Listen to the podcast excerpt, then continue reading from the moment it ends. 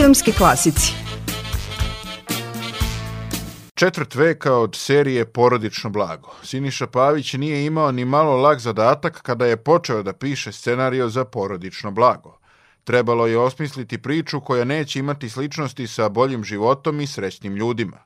Pavić je scenario počeo da piše 17. avgusta 1997. godine na letovanju u Turskoj nakon tri meseca razmišljanja o temi porodičnog blaga. Ne ide, ne ide, ne ide.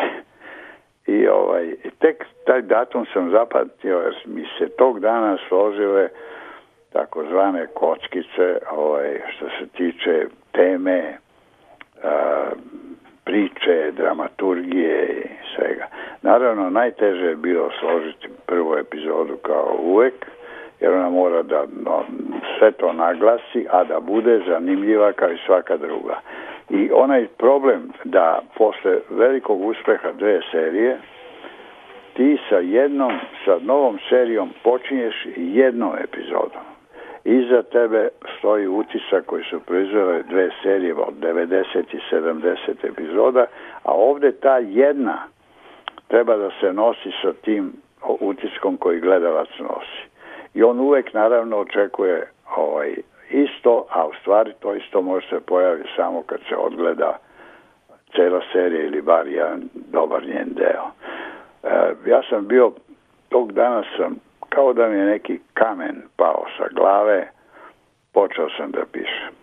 Ubrzo je počelo i snimanje serije pa emitovanje. Prva epizoda prikazana je 1. novembra 1998. godine. Serija je okupila dojejene srpskog glumišta poput Živojina Žike Milenkovića, Mihaila Miše Janketića, Svetlane Cece Bojković, Mire Banjac, Dragana Nikolića, Aleksandra Berčeka i Radmile Savićević, kao i tada mlade glumačke nade među kojima se posebno izdvajaju Nebojša Glogovac, Vojin Četković i Nenad Jezdić. Tu su i Mina Lazarević i Vukašin Marković. Paralelno sa emitovanjem odvijalo se i snimanje novih epizoda, Glumačka ekipa se uigrala, a publika je zavolela Gavriloviće, Stojkoviće, Panduroviće, Rosku, Risa, Labuda, Bogoljuba Gagića, Čerčila, Rajnu, Branda, Bodu Tajsona i Mačka. Niko tada nije verovao da će snimanje prekinuti bombardovanje Savezne Republike Jugoslavije, priseća se Siniša Pavić. Ja kažem kako sad da nam se desi, ja nisam mogu da verujem da ćemo biti bombardovani, da uopšte u Evropi može neko da bombarduje jednu evropsku zemlju. Mislim, to je prekinuto.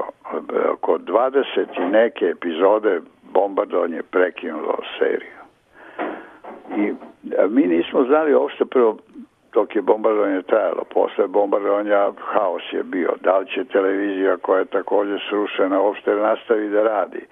Da li će moći da se gleda? Šta je prioritet? Hoće li se uopšte više raditi serije? To je izgledalo kao smak sveta. A onda je ovaj Maksa Čatović koji je bio da, da, vlasnik komune i nominalno je bio on je, on je finansirao scenariju. A, a RTS je bio tako su oni bili u koproducentskom odnosu.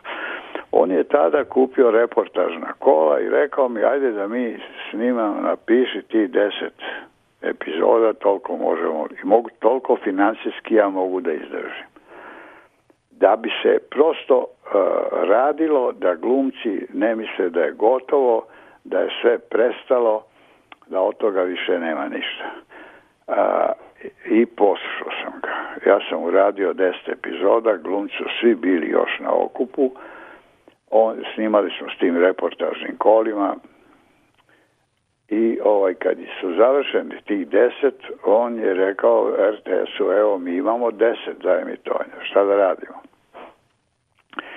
I onda, pošto se tada rešavalo sve na jedan, kako da kažem, danas se to kaže a, autokratski način, dakle, bila je centralizovana zemlja, još uvek, uvek bila u nekom polu ratu, ovaj, rešeno je da se nastavi. I sa tih deset mi smo premostili jedan period, pušteno je da se emituje, da bi ovaj, mogli da nastavimo sa snimanjem.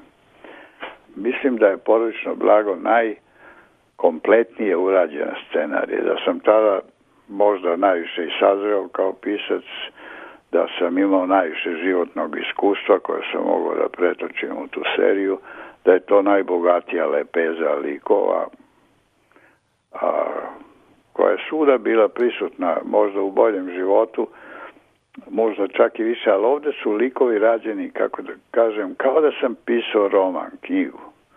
I to danas kad se gleda, ono stvarno deluje kao serija, ako vi kažete jeste 25 godina, za 25 godina ona je dobila nešto na svom utisku koji ostavlja kod gledaca.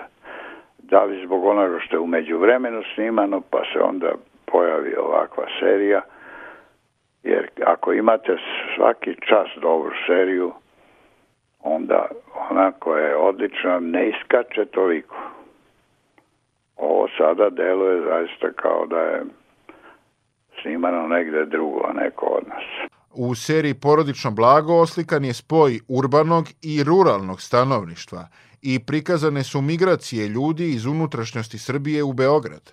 Siniša Pavić ističe da je Danilo Lazović u porodičnom blagu napravio briljantnu ulogu. Niko do tada, ni posle, nije bolje odigrao ljubomornog muža i to na dramski način, a da mu se gledaoci smeju, smatra Siniša Pavić i dodaje da su podjednako dobri bili Branislav Lečić u ulozi sudije Risa, kao i Božidar Stošić u ulozi kafedžije Mačka. Poslednja epizoda porodičnog blaga emitovana je 23. juna 2002. godine i imala je izuzetnu veliku gledanost, koja koja se merila sa gledanošću finala svjetskog prvenstva u Indianapolisu, kada je košarkaška reprezentacija Jugoslavije osvojila zlatnu medalju. Porodično blago režirali su Aleksandar Đorđević i Mihajlo Vukobratović i to je poslednja serija snimljena u Jugoslaviji. Iz serije Porodično blago nastali su filmovi Tajna porodičnog blaga, a sada dio i Lele Bato.